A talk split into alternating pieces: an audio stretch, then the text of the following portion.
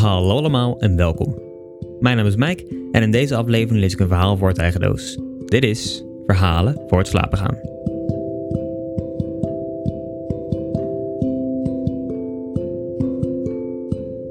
Het verhaal dat ik vandaag voor ga lezen zat al een tijdje in mijn hoofd, al begon het niet zoals het is geëindigd. Het idee begon bij een zin die uitgesproken had moeten worden, maar uiteindelijk is deze zin er helemaal niet ingekomen. In mijn hoofd zat namelijk het idee dat één iemand van de personages zou zeggen dat hij de dingen niet ziet zoals ze zijn, maar zoals ze waren. Dat vond ik een interessant concept en daar wilde ik in eerste instantie een verhaal over schrijven, maar achteraf heb ik die zin weggelaten. Het verhaal gaat nu grotendeels ergens anders over, al zit het oorspronkelijke idee er nog wel een klein beetje in. Misschien vraag je je af wat ik dan allemaal vaag aan het praten ben. Dat komt denk ik vooral doordat ik van tevoren niet al te veel weg wil geven over het verhaal. Om je toch een idee te geven, het gaat over Mike, die op een dag in college een mysterieuze jongen ontmoet, Daniel. Deze Daniel zegt dat ze eens af moeten spreken, maar niet waarom. Mike is nieuwsgierig en besluit langs te gaan. Dat is alles wat ik erover kwijt wil. Eén dingetje nog. Op de een of andere manier vond ik dat het hoofdpersonage Mike moest heten, maar het gaat niet over mij. Er zit niets in het verhaal dat mij ook is overkomen, buiten dat ik fan ben van Nick Cave. Dan ga ik niet mijn mond houden en beginnen met voorlezen. Dit is Daniel.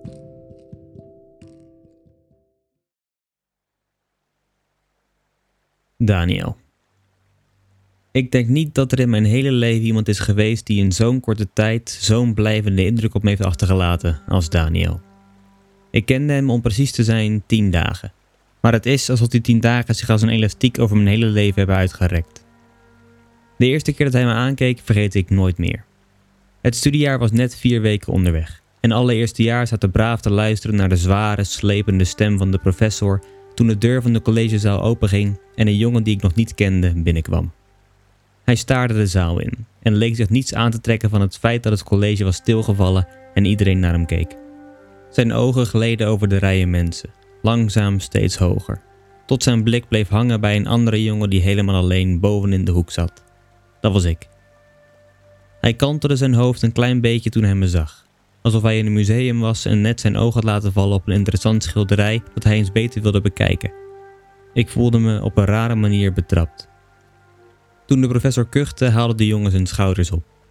Hij ging de rijen met banken langs en bleef uiteindelijk bij de mijne staan.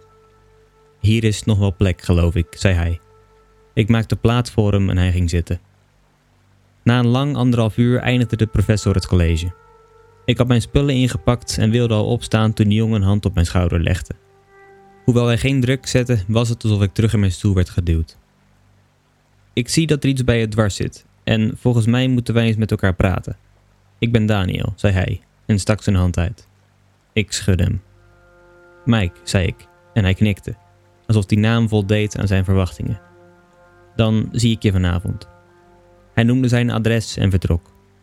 Pas toen hij de zaal uit was, realiseerde ik me dat ik de hele tijd was blijven staan om hem na te kijken.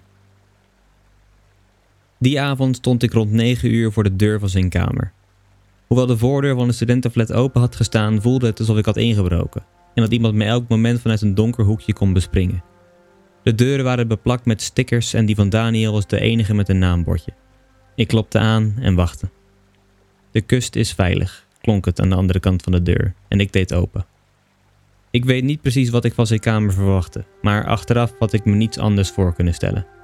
Zijn bed was netjes opgemaakt.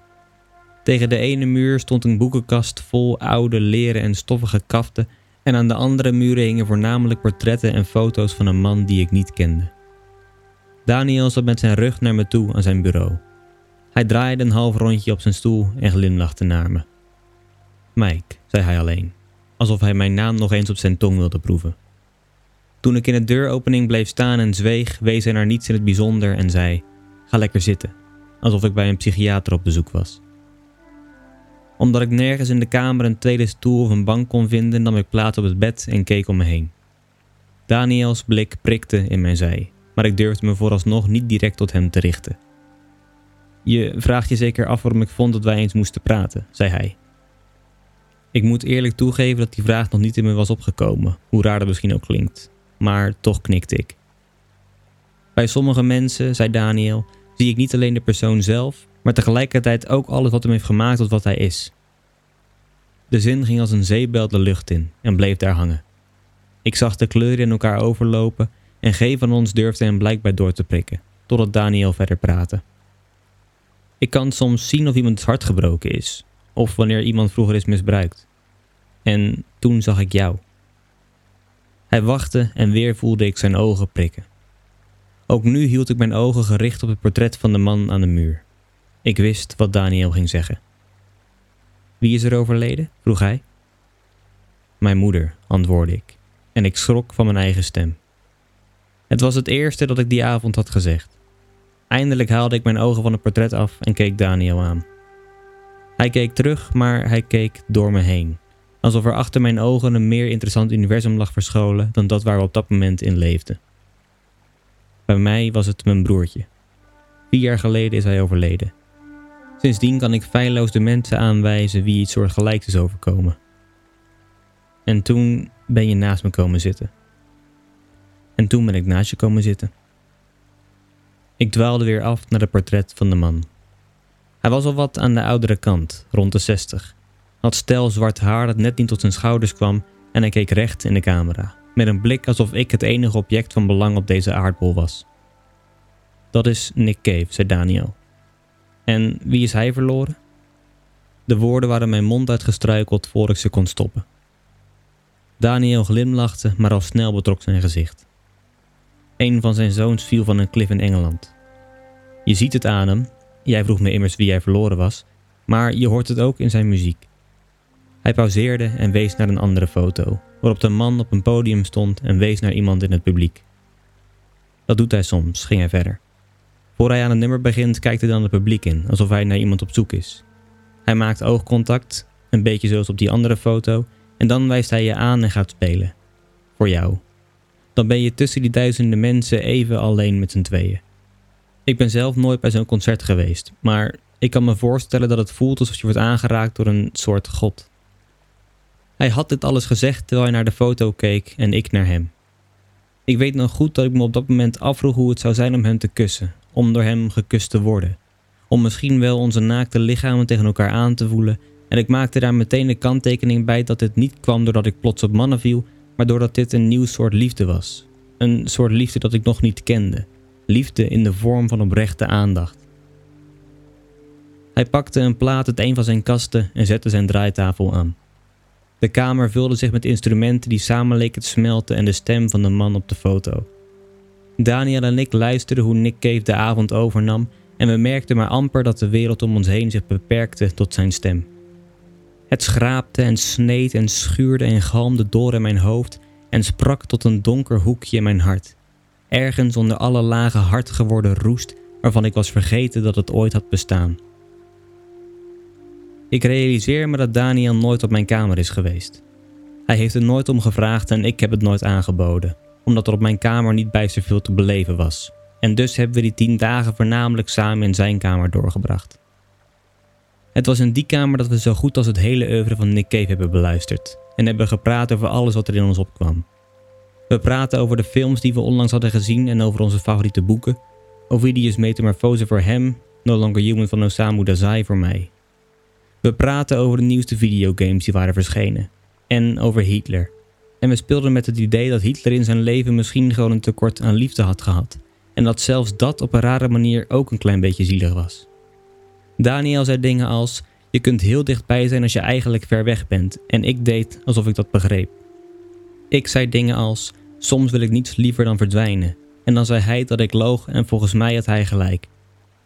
We praten over hoe mijn moeder aan kanker was overleden en hoe zijn broertje was aangereden en over hoe oneerlijk het was dat we daar niks aan konden doen en dat het soms onmogelijk leek om ooit weer te lachen.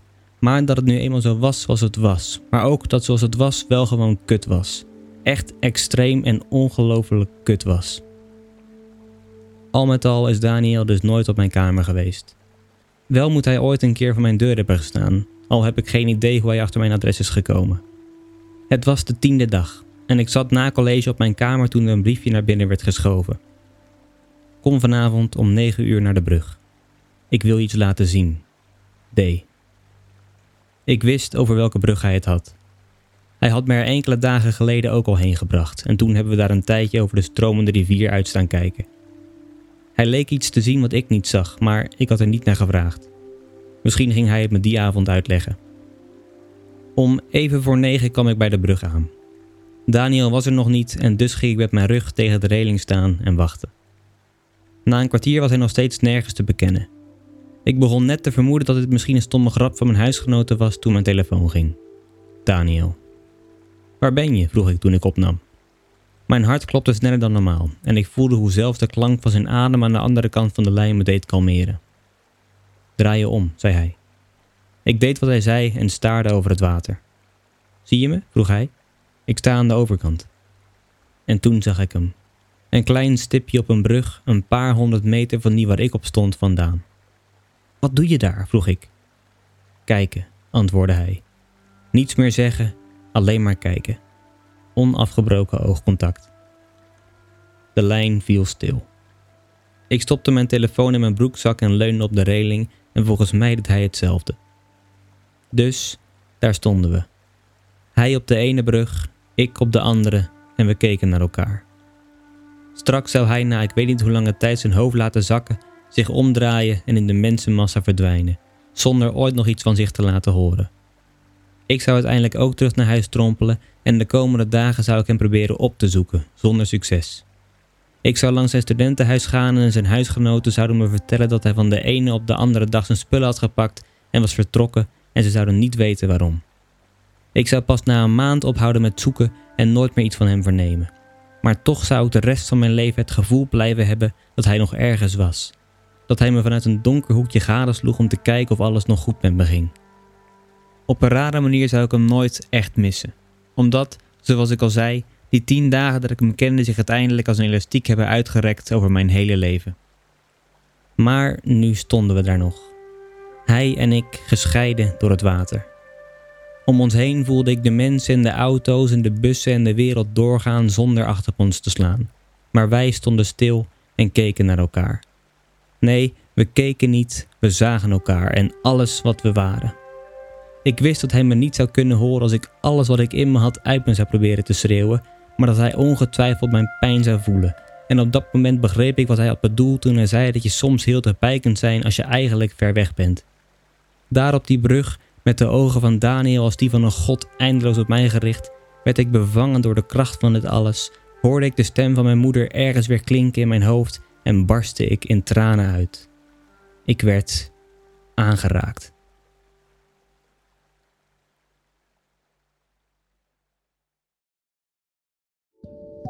Dat was Daniel.